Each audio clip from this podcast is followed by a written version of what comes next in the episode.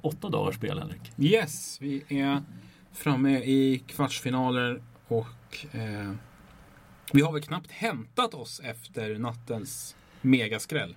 Ja, det där, det där är... eh, Det, var ju, det fanns ju en skräll, större skräll varje år och det var eh, lite överraskande tyckte jag att den skrällen var större. Men det var Peja som slog Silic i Wimbledon. Mm. Eh, Men det här var ju... Ja, han har svårt att knyta ihop när det, när det börjar liksom gå emot honom. Det har han och jag tycker nog att vi kanske måste prata lite mer om, om hur svårt han har för US Open. Ja, för det är lång tid tillbaka sedan han vann US Open. Det var 2008. Precis, det är tio år sedan eh, och det är tio år av missar egentligen. Han, han har ju haft väldigt mycket öppna lägen. Eh, finalen mot Del Potro 2009 är väl kanske det som kommer eh, närmast i huvudet och sen så brände han ju matchbollar mot Djokovic i Mm. semifinalen året efter. Spelar i och för sig Djokovic magiskt på de Ja, matchbollarna. det, precis. Och det var, det var väl lite där som Djokovic klättring upp till att bli världsdominant började, tycker jag. Men eh, och på senare år här nu, som i fjol var han ju favorit. Eh, och, och tidigare år så har han ju också nämnts som en av favoriterna, men han har, han har inte levererat. Nej men det, vi har ju så Nadal som har haft lite svårt med att klara av att att hålla ihop kroppen. Eh, så här sent på säsongen eller man ska uttrycka sig. Det är, det är egentligen inte jättesent men, men ändå. Eh, Federer också eh, drabbas lite av det här. Ja, uppenbarligen så mattas han ju ganska kraftigt eh, efter Wimbledon. Det känns ju lite grann som att han har säsongsinledningen med, med Australian Open och eh, den första amerikanska Masters-svängen lite grann som, som eh, tunga, tunga målbilder då, tillsammans med Wimbledon. Sen är det som att energin tar slut. Det kanske inte är så konstigt. Vi pratar ju trots allt om en man som har hunnit fylla 37. Mhm. Eh, vi vet inte vad vi ska kanske inte ska ha sådana här förväntningar på honom så här på året. Nej men det kanske är mer eh, som vi har sett då, US, eller vad säger jag, Australian Open och sen Wimbledon ska vi ha det för att han hanterar gräset så bra. Eh, Men nej, sen kommer han väl tillbaka kanske där mot Basel eller något sånt där och vinner någon turnering där på eh, senhösten också när de andra är väldigt slitna. Ja, det är lite så det brukar se ut. Men eh, alltså själva matchen, det är en eh, det är en märklig upplevelse. Han säger ju att han, han, är, han är trött och, och han klarar inte förhållandena. Nej, väldigt ovanligt men det var, det var väl de citaten som rycktes ut där i alla fall. Att nej, fanns ingen orka, jag kunde inte hämta någonting någonstans ifrån. Eh, och sen som sagt, hade han vunnit andra set, han hade ju setbollar där. Då hade det blivit en helt annan historia säkerligen. Men nu gjorde han inte det. Och Milman som jag hade dömt ut, eh, liksom alla andra på förhand. Eh, trevlig snubbe men det är ju ingen som Låt oss säga det kanske inte är den mest eh, ihågkomna kvartsfinalisten när vi summerar ett samtal om tennis om sju år. Men det, det enda som sticker ut med honom spelmässigt är ju det faktum att ingenting sticker ut. det, det, Det, är ju, ligger någonting i det. ja, men det, det är ju liksom en, en, en eh, tennisarbetare, en, en man som sliter på den nedre halvan av topp 100, som gör det förtjänstfullt, men som ingen egentligen är särskilt intresserad av att betala för att se spela tennis. Nej. Eh, han gör en bra match. Han, han är ju i sitt livsform. Han kommer ju från eh, flera bra veckor här ska sägas Mm. också. Eh, det ska man inte glömma. Man ska inte ta ifrån honom den här segern. Nej, en seger är en seger och det är en fjärde runda och det är på Arthur Ashe. Han hade ju något skönt citat där att jag trodde inte att jag skulle få stå på Ashe mer när jag, när jag tränade med Andy Murray innan turneringen. Ja. Det trodde nog inte jag heller. Nej, inte jag heller. Hör du, men eh, nu ska vi gå till någonting som eh, vi för en gångs skull, ah, vi var väl rätt på det senast också tror jag. Men vi är ganska bra med på våra predictions som vi tar del för del. Backar vi tillbaka eh, de åren som vi har gjort den här podden så har vi allt som oftast eh, varit otroligt fel ute. Ah, inte otroligt. Inte otroligt fel, Nej. men of, ofta har vi varit fel ute. Men jag tycker på sista tiden har vi, vi kanske börjat träffas lite mer rätt. Men så har också eh, resultaten varit lite mer väntade än, Precis. än, än eh, f- framförallt förra året som ju var helt sjukt. Ja, eh, vi tar uppifrån då så Nadal eh, framme i en kvartsfinal och hans väg då är väl egentligen inga, inte mycket att snacka om. Katjanov i tredje som gav riktigt tufft motstånd och det var vi också inne på där att det blev en värdemätare. Exakt, det var, det så vi pratade att, att, det blir liksom det första stora testet för Nadal. Och det blev det ju faktiskt. Katjanov gav ju järnet Eh, framförallt så imponerades jag av hans defensiv. Mm. Och det har man inte sett förr. Nej. Att, att det ska ha varit någon slags adelsmärke. Men det var eh, 100% hjärta, magnifik inställning. Eh, och, och liksom återigen, han har ett väldigt tryggt och bra grundspel att luta sig mot. Det, det är en bra tennisspelare, Karen Khachanov. Mm. Man kan inte säga annat. Nej, och jag imponeras också av det här för Nadal är ju så oerhört jobbig att möta. Det syns i alla matcher. Det är så svårt att få till flera jämna set med Mm. honom för att du måste hålla en så hög nivå. Och Khachanov gör det genom hela de fyra seten. Mm. Efter han torskar i tredje setet i tiebreak, ja i 89 fall av 100 då blir det 6-1, 6-2 i det fjärde setet för att det är ingen som orkar hålla upp det. Men han gör det och tar det till tiebreak och är nära men inte tillräckligt. Samtidigt måste det vara så knäckande att vara så nära och liksom se de här sätten försvinna 7-5, 7-6, 7-6 mot Nadal. Att liksom komma till tiebreak och, och bara veta att åh, det är liksom ingenting som talar för mig i det här läget.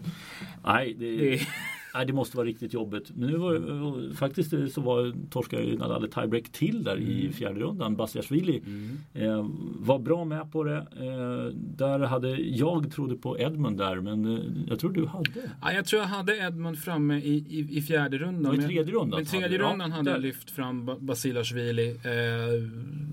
Eh, sen vet jag inte om jag hade satt honom riktigt i fjärde rundan. Det trodde jag nog Nej, på det var Edmund, det stämmer. Men Edmund gjorde en konstigt dålig insats mot, mot Lorenzi. Det verkar som att han var, hade duktig soppatorsk där bara.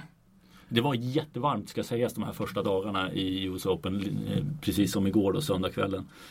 Eh, Men Nadal fram i kvart, egentligen inga konstigheter. Han har tappat två set på vägen och fått känna på, på det ordentligt här inledningsvis. Vilket är bra. Eh, neråt där sen så hade vi båda satt Kevin Anderson i kvartsfinal men fjolårsfinalisten han fick bita i gräset mot en ja, grusspecialist. Ja, och, och Dominic Teams framfart i den här turneringen, det är i mitt tycke den, en av de största skrällarna egentligen. Ehm, han har ju inte visat prov på sitt enorma tenniskunnande på hardcourt på väldigt, väldigt länge. Ehm, jag blev påmind här på Twitter om att han hade ju faktiskt eh, ledde ju mot Del Potro i fjol. Mm. Eh, men det var väl senast då han spelade riktigt bra på det här underlaget. Mm. Ja, han har inte visat någonting innan, han har varit sjuk innan också. Eh, men här prickade han det rätt. Eh, och här var, här var faktiskt, här var jag bra med för jag Mm. hade Fritz i tredje rundan. Mm. Där. Eh, dock eh, så trodde jag ju att han skulle, Fritz skulle slagit Bautista Agut och inte Jason Kubler som du höjde ett Ja, jag får vara nöjd med den, att jag plockade Kubler så där långt fram. Eh, att han faktiskt slog Batista Gut. Men jag tror inte att spanjoren var helt riktigt. Nej, det känns inte som att han ska förlora en sån match. Just den matchvinnartyp som Bautista Agut är. Eh, och jag ska säga också team, som jag säger, jag, jag har varit imponerad av honom och Anderson plockar han ner ganska, eh, inte brutalt men ordentligt i alla fall. Ja, det var lite, skolboksexempel på hur man monterar ner en stor servare. Mm. Eh, här fick han ju verkligen ut, liksom utdelning på sin lite defensiva position. Men sen är han ju, han spelar smart genom hela matchen. Mm. Hugger när tillfälle bjuds. Mm. Eh, och är ju sådär äckligt snabb som han är i djupled när, när Anderson försöker rycka i honom. Mm. Eh, och det, det gör han ju å, andra sidan tillbaka sen att han liksom eh, varier, varierar sig kraftigt med, med, med stoppbollar och, och korta vinklade slag med att liksom loopa upp bollen och, och sätta ordentlig spin på den precis innanför baslinjen. Så att det var en jobbig match för Anderson. Han kom aldrig in i den tycker jag. Nej, och Anderson hade haft en tuff match innan mot Chapovalov. Mm, riktig holmgång. Ja, det svängde fram och tillbaka och Chapovalov hade dessutom en eh, tuff match innan mot Seppi. Eh, som också gick fem set. Härlig sportsmanship där mellan Chapovalov och Anderson efteråt som båda var ute och, och hejade på varandra på Twitter efteråt och, och tyckte att eh, båda hade gjort en kanonmatch. Mm. Det var väldigt roligt att spela och önska varandra lycka till i fortsättningen. Sånt gillar vi, det är Ja. trevligt. Ja, alla skickar gosiga nallebjörnar till varandra. Mm. Eh, neråt då, del Potro. Eh, det har väl grymtat rätt bra. Det fullständigt oberörd så långt fram det finns. Det är ingen som, jag tycker inte vi pratar så mycket om honom. Men, men han glider fram i den här turneringen på en riktig räkmacka. Mm. Eh, och den har han ju konstruerat själv. Eh, han, han har inte tappat ett set hittills. Och det är det ju ingen annan som har gjort va? Nej, jag tror att han är ensam om att ha gått rakt igenom faktiskt. Eh, och det, nej men han, han smyger med. Han, han såg lite trött ut. Jag gjorde den matchen mot Kudla. Eh, och na, då såg han lite trött ut i tredje set men ändå så lyfte han sig när det behövdes. Ja men han kan klart. göra det ibland, även så tidigt i turneringarna tycker jag. Mm. Men, men eh, fullständigt oberörd. Man är ju särskilt impad av hur han trycker till Borna Coric. Alltså riktigt pulveriserar honom i Mm. åttondelen. Gosse, du har lite att lära. Lite grann så. Eh, men det här var vi ju inne på på förhand, att det här är en ganska intressant del av lottningen. Mm. Andy Murray var där och åkte ut mot Fernando Verdasco. Viss kontrovers där. Ja, Eh, under eh, The Heat Break. Där låg båda två i ett isbad. Eh, och då dyker plötsligt Verdascos coach upp. Eh, ska i efterhand inte ha rört sig om att han ska ha fått några taktiska direktiv utan han ska bara ha hjälpt honom med, med lindor och, och annat. Men Murray var lite irriterad på det här. Han var väl framförallt irriterad på att domarna inte skötte sitt jobb. Och, nej för att de var närvarande. Ja, om precis. jag uppfattade det rätt där. Så eh, den som, den som fick gå in och, och fälla avgörandet där och, och vara någon slags skiljedomare, det var Marcos Bagdatis. Oj! Läste jag. Eh, som, som tydligen befann sig på samma plats och följde hela det här händelseförloppet. Och han kunde gå i god för att jo då, Verdascos coach var där. Men jag hörde dem. De, det var inga taktiska direktiv. Det var inget sånt överhuvudtaget. Han bara, jag förstår att Murray är förbannad. Jag förstår att Verdasco blir irriterad på att han blir uthängd som liksom, nästan som fuskare. Men han har inte gjort Det är han någonting. ju nästan uthängd i ett annat sammanhang. Ja. det, det, Men ehm, men Baggen som sanningsvittne. alltså. Baggen var sanningsvittne och eh, riktade ju kritik mot domaren då att, att det skulle ju vara en person som ska följa de här två. Eh, och han var inte där. Det är jättemärkligt. Ja. För det brukar vara extremt... Så Bag, Baggen var eh, starkt kritisk. Ja, men det- det ska inte hända. Och, och jag tycker det är väldigt konstigt att Ja, uppenbarligen då så har det någonting fallit mellan stolarna. Mm. För att de ska inte kunna ha kontakt under det här. Och det har ju varit lite genomgående tema här nu, domarinsatser. Mm. Eh, vi, kommer, vi kommer till det. Mm. Eh, vi fortsätter här. då. Tsitsipas, där var det lite varningsflagg på Mm. honom. Jag hade honom framme, du hade honom framme ändå i en fjärde runda. Men eh, han fick eh, bita i gräset. Ja, vi, vi konstaterade väl det att, det att det var liksom, vi satte honom båda där i den här fjärde rundan med lite som, inte med något vidare eftertryck utan Nej. att man kände att mm, ja, vette fan. Och Medvedev är het. Mm. Uppenbarligen. Sen tog väl energin lite slut där mot Choric. Men då hade han vunnit åtta raka matcher. Mm. Eh, precis, vann ju New Haven veckan innan eh, och gjorde det väldigt bra mot Tsitsipas. Nej, mycket bra turnering av honom. Sen så kom vi till den sista kvartsfinalisten som vi båda hade prickat in, John Isner. Och det var vi inne på innan, stolpe in. Eh, och det går inte att säga annat än att Isner är farlig. Han hade det tufft mot eh, Jari, eh, chilenaren. Hade lite halvtufft mot Lajovic också. Ja, förvånansvärt faktiskt. Lajovic Jag stod upp han- riktigt bra. Ja, jag trodde Isner skulle plocka ner honom ganska lätt. Mm. Eh, Lajovic servade bra. Mm. Och eh, sen så fem set mot Raonic, det var väl ingen skräll. Den stora skrällen där var väl att det inte var någon tiebreak. Nej, exakt. 3-6-6, 3-6, 4, 3-6, 6-2. Riktigt märklig scoreline för Ja. de två. Ja, det, där var, Det hade nog ingen tippat på. Nej, eh, och Raonic var vi båda framme där och Wawrinka trodde vi också skulle gå till tredje rundan. Det gjorde han och sen så plockade Raonic ner honom i tre raka. Eh, och det är väl, nej, det är inte så mycket att säga om det där va? Nej, och där pratade vi ju innan också om att vi tror, ingen av oss trodde riktigt att Wawrinka skulle orka gå särskilt långt i den här turneringen. Jag tyckte han såg bra ut i öppningsmatchen mot Dimitrov, men honom har han någon slags kontroll över. Han har väldigt bra koll på Dimitrov eh, och neutraliserar honom på ett jättefint sätt. Mot, mot eh, Raonic krävs liksom att han håller uppe koncentrationen hela tiden och inte slarvar bort game.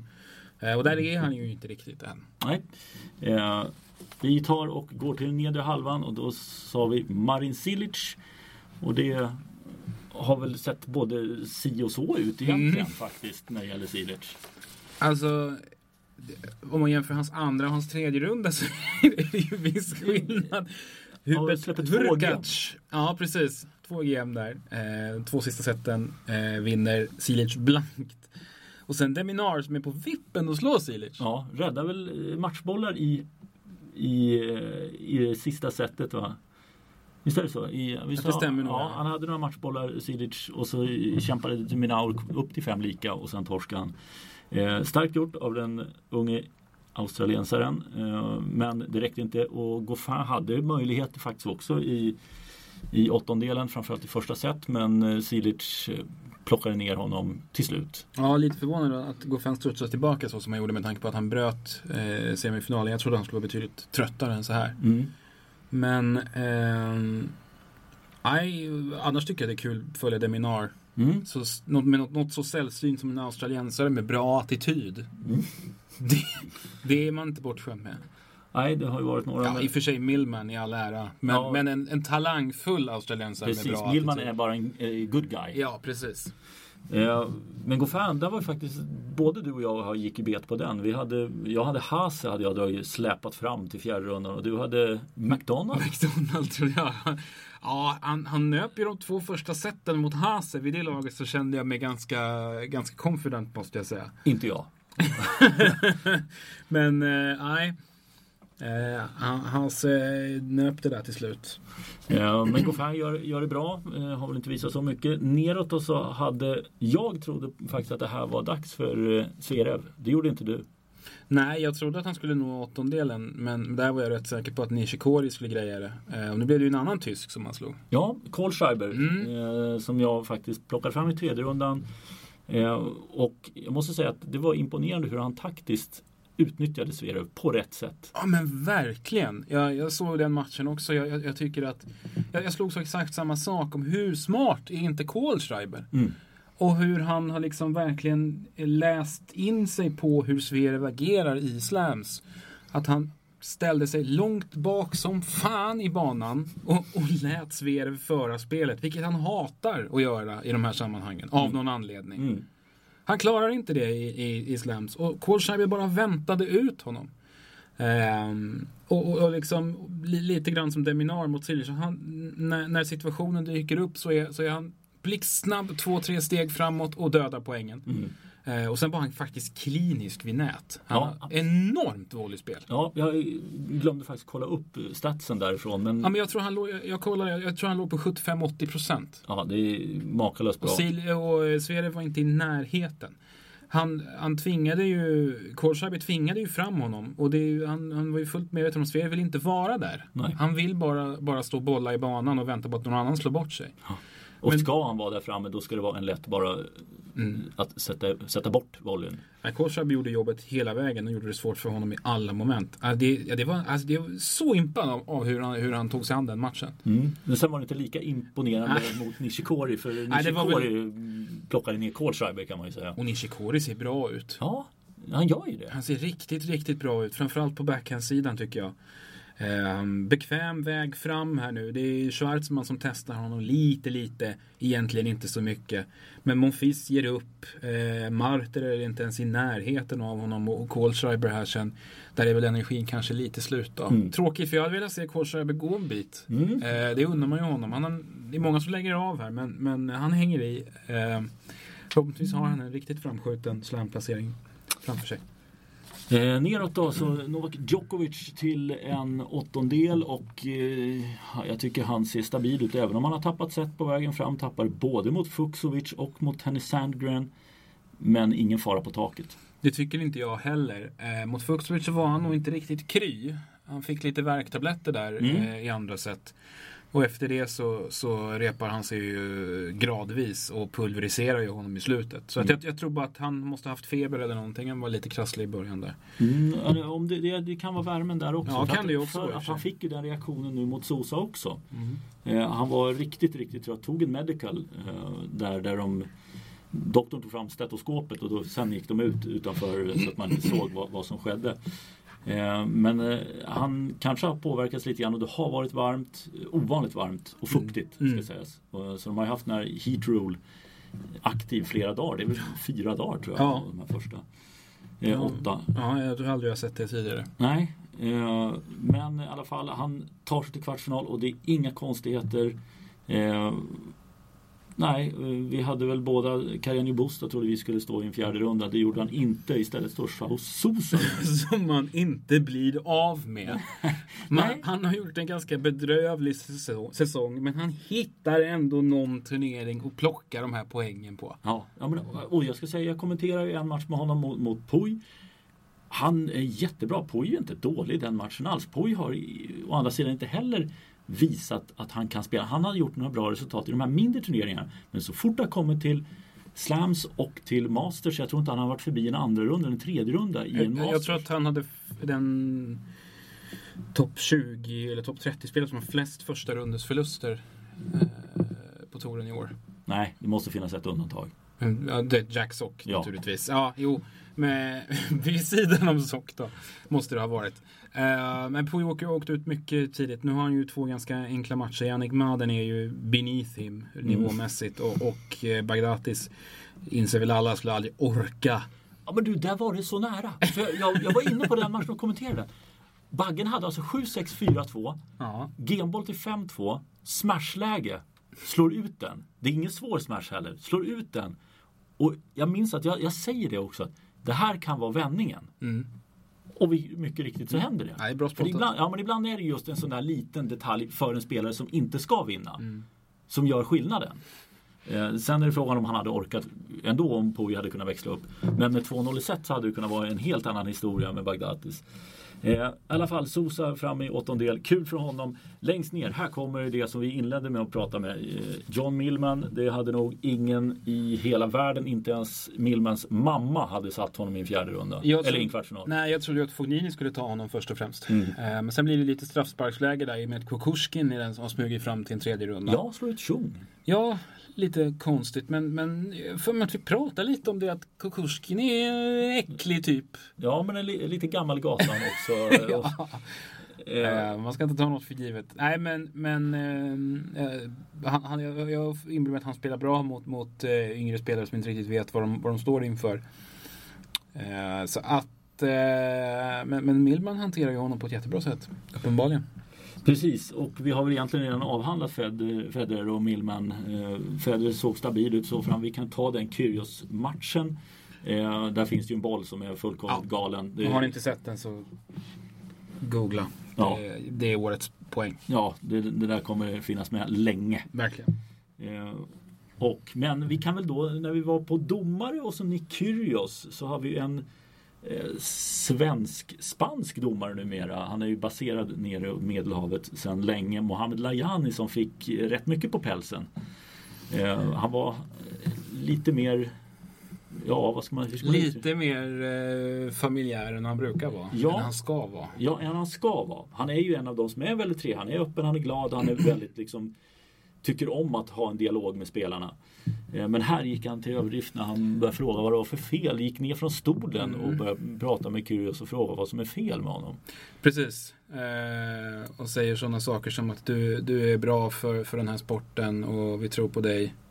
Eh, det är... Ja.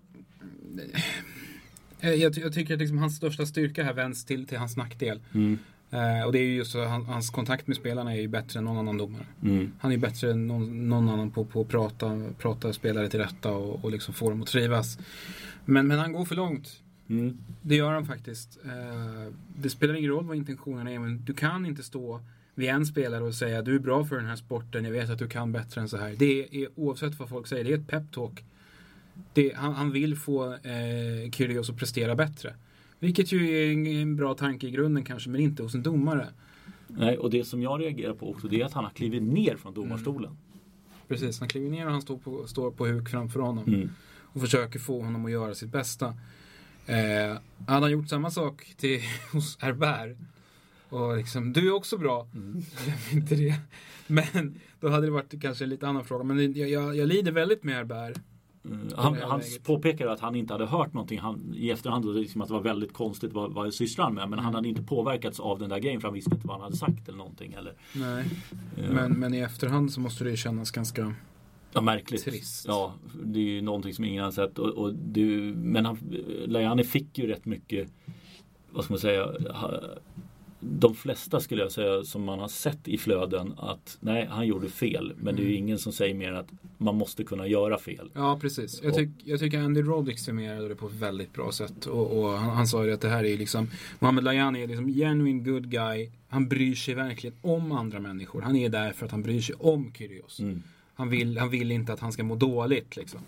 Eh, men, och att han är liksom en genuin bra människa och han, han menar inget ont. Men, men det här var fel. Mm. Det var fel agerat. Men Han sa samtidigt att jag hoppas att de inte går för hårt åt honom nu. Nej. För han är bra och han Mm. behövs. Och alla kan göra misstag. Mm.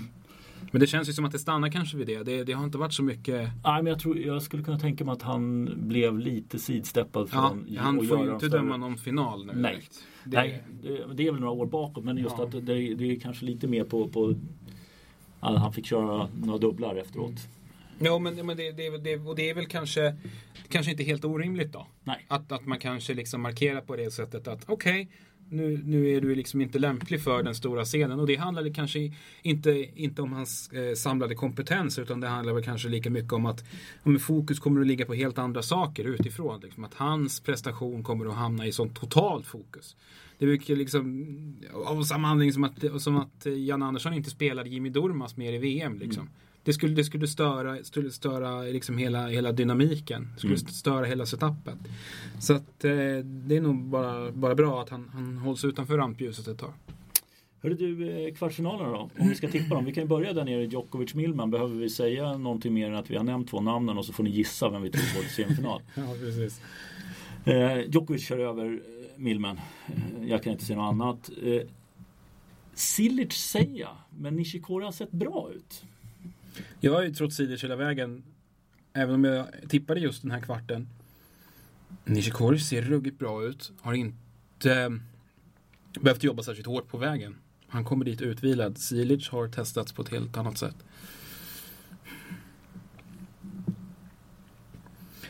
Ja, Jag, jag är nästan så att jag vill ändra mig och säga Nishikori här nu mot, mot Djokovic. Jag, jag tycker han ser, han ser enastående ut.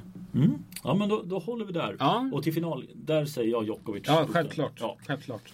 Uppåt då, Nadal team. Där tror jag Nadal har övertaget även om det inte liksom är Paris övertag men eh, Nadal vinner den. Ja, team har ju faktiskt stört Nadal på grus. Eh, på hardcourt är det en lite annan femma tror jag. Mm. Eh, och Nadal får för lite beröm för hur bra han generellt är i US Open. Mm. Ja, framförallt där under de, de två senaste turneringarna. Eh, men Nadal tar sig till en semifinal. Ja, det gör han. Eh, vem möter han där Henrik? Ja, det här, den, den, är, den är lurig. Eh, men man, jag kan inte blunda för den nivå som Del Potro har hållit. Att han, att han har gått hit utan att tappa ett enda set. Och spelat så förbannat bra. Ehm, det måste ju någonstans göra honom favorit till Jon Isner. Även om så kan det bli ett sånt där fem tiebreak set. Och så står han den där långe fan i en semifinal igen. Ah, jag vill så gärna tro Del Potro. Ja, jag är faktiskt precis det resonemanget. Jag pratade, det är John Isners år. Jag tror att Isner går till semifinal och jag tror att Isner faktiskt kommer liksom bäras fram av någon outgrundlig anledning. Eh, så kommer Isner stå i final mot Djokovic. Nej. Nej, det, nej, det vill jag inte. nej, jag kan, jag kan inte ens formulera den tanken. Det är för mörkt. Ja, det, det var ju inte glädje, vi hoppade inte Nej, av glädjen nej jag, jag, jag har ändå alltså Nadals totala nedmontering av Kevin Anderson i, i finalen i fjol. Eh, han är så bra på att hantera de här storservarna, Nadal. Ehm, och så hans facit. Nej, jag tror nej. Alltså visst, Isner kan nog slå Del, slå Del Potro om det blir en sån här lång och jävlig match. Men Nadal, nej det får, det får bara inte gå till på det viset. Jag, jag, jag sätter ner foten. Ja, jag, nej, jag måste sätta Nadal i en final mot, mot Djokovic. Och vem vinner? Ja, det gör Djokovic. Mm, eh, ja, alltså jag, jag säger, jag håller med dig. Djokovic vinner. Även om det är Isner. Ja, även om det är Isner. Alltså jag, i Men du jag- sätter honom i final. Ja, Ja. jag, ja, men jag, jag, det är nog så här just att ja, men, jag har bäsat honom så länge och så kommer ett sånt här år. Ja, men det, är, ju- det är ju så få som har ett svar på Isner Ja. när han servar rätt och när han faktiskt sätter bollen emellanåt Mm. också. Eh, Ja, nej, alltså det, ja, det, det värsta är att han skulle kunna Djokovic blir svinvarm, Djokovic får eh, känner av det där.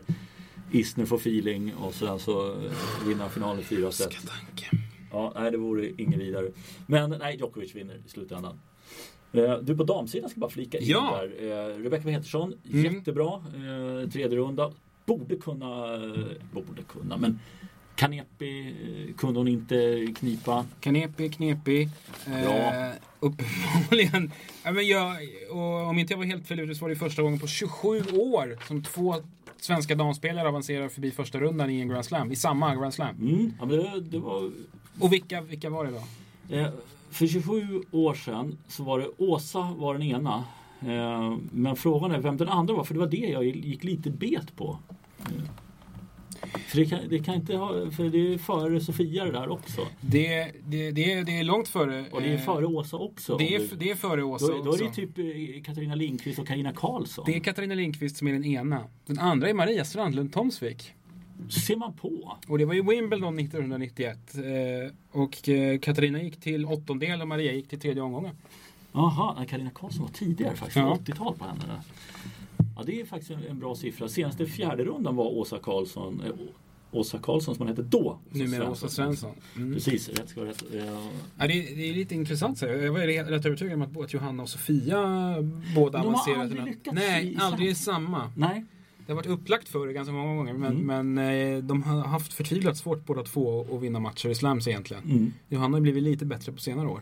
ska sägas nu, och när vi var inne på Johanna, hon gjorde en kanonmatch mot Ja. Kerber. Vilken insats! Mm. Jag såg hela matchen. Jag, ty- jag tycker att det var en eh, alltså fullständigt enastående insats av Johanna. Mm. Första set är hon ju ordentligt bortkollrad. Men, men alltså, som hon kämpar sig tillbaka in i den matchen. Spelar offensiv tennis på ett sätt som jag tycker hon borde göra betydligt Ja, oftare. jag, menar, jag har ju aldrig sett den typen av aggressivitet över en längre period i Nej, match. och det var så uppenbart att Kerber inte hade väntat sig det heller. För hon blev så jävla stressad. Mm. Nej, det, det, var, eh, det var skitkul att se tycker jag. Eh, så jättebra vecka för svensk damtennis. Ja, verkligen bra skyltfönster, visar upp sig och visar resultat. Nu hoppas jag att Johanna kan liksom ta med sig det spelet och flytta över så att det inte blir fem raka första omgångar i vanliga, i de minsta WTA-turneringarna. Ja, precis. Alltså, hon gör ju en del resultat varje år egentligen. eh, vilket ju segern i, i, inför franska där är ett, ett, eh, kvitto på. Men, men som du säger, det är, det är ganska mycket dåliga turneringar i rad och hon, hon hamnar i ganska djupa svackor. Eh, så att hennes utmaning finns ju alltid i det här att vara bra varje vecka. Mm, och det kanske hon kan hämta styrka i nu då. Mm. Eh, slutsegrare här. Nu ska vi faktiskt, det här var lite intressant för det har inte hänt på väldigt, väldigt länge.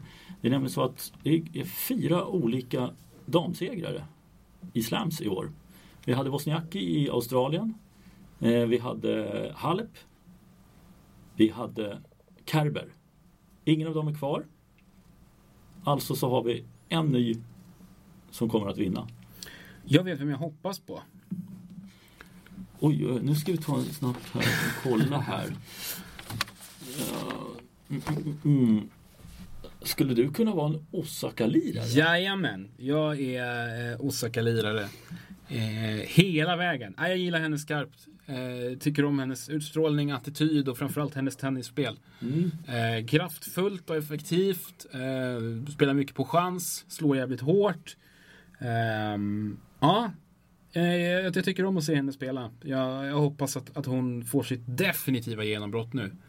Tar sig hela vägen. Ja, hon har en bra kvartsfinal eh, och eh, ja, jag, har imponerats av Sloane Stevens under den här eh, inledande veckan. Inte för att hon är regerande mästarinna utan för spelet hon spelar på. Det gäller även franska. Hon har ett lugn i sitt spel och kan trycka till bollen, kan ta ner på tempot.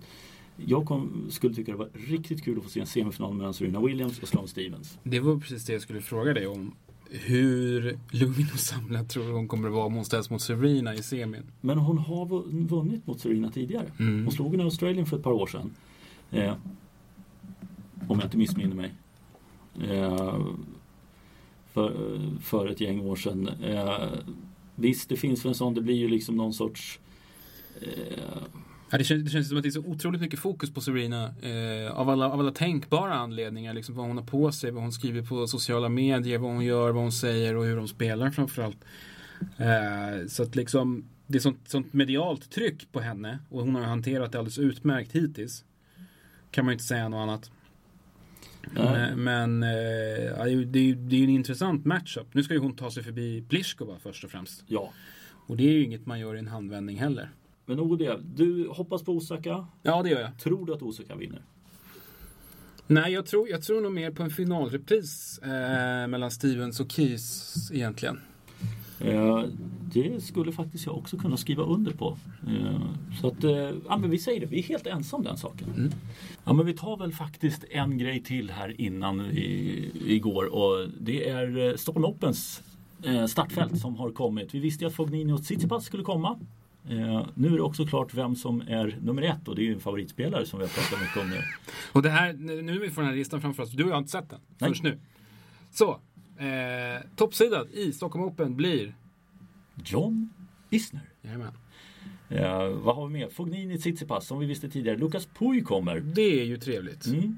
Eh, Jack Sock kommer och det är... Kan vi ha och mista va? Ja, jag hoppas att de inte har betalat för honom. Eh, det, det, ska vi, det ska vi ta reda på. Eh, Dennis Shapovalov kommer. Ja men vad roligt! Det var ju kul. Mm. Eh, och Fernando Verdasco kommer såklart. Ja han har väl, det är väl hans Sverigeveckor, Mm. mm. årliga Sverigeveckor. Philip Kohlschreiber också. Undrar om han har varit här faktiskt. Ja, det är väl i så fall väldigt länge sedan va? Mm. Och så kommer Alex Deminar. Kul! Och det var ju roligt tycker jag. Eh, som ju gjort så bra ifrån sig här nu i US Open senast.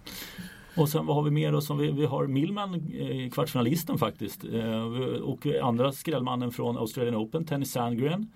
Eh, amerikanen Taylor Fritz går också in. Ja. Det, det är väl de man kan nämna där. I övrigt så är det Govojcik, Marterer, Ebden, Taro Daniel, Garcia Lopez och Lukas Latchko. Mm. Ehm, ja, Två wildcards skulle vi gissa att de går till bröderna Ymer. Ja för, det känns ju inte som att Elias kommer in i kraft av sin egen ranking nu. Eh, som alternates här närmast så har vi en, en handfull spelare som ligger runt 80-90. Så att eh, jag tror att han är ganska långt ner på den listan. Så att han kommer att behöva ett wildcard i år. Likaså Mikael då. ehm, så gissar jag att man går efter någon Någon- hyggligt namnstark spelare. någon som jagar eh, en plats. Jag såg de andra turneringarna har ju inte så. Är, Antwerpen har okej. Eh, Moskva har ett tufft år. Inte fått några vidare spelare till sig. Men eh, ja, vi får, vi får be om återkomma om det där. Men där har vi i alla fall direkt här eh, snabbkoll helt Ja. enkelt. Hörde ni, vi återkommer. Hej!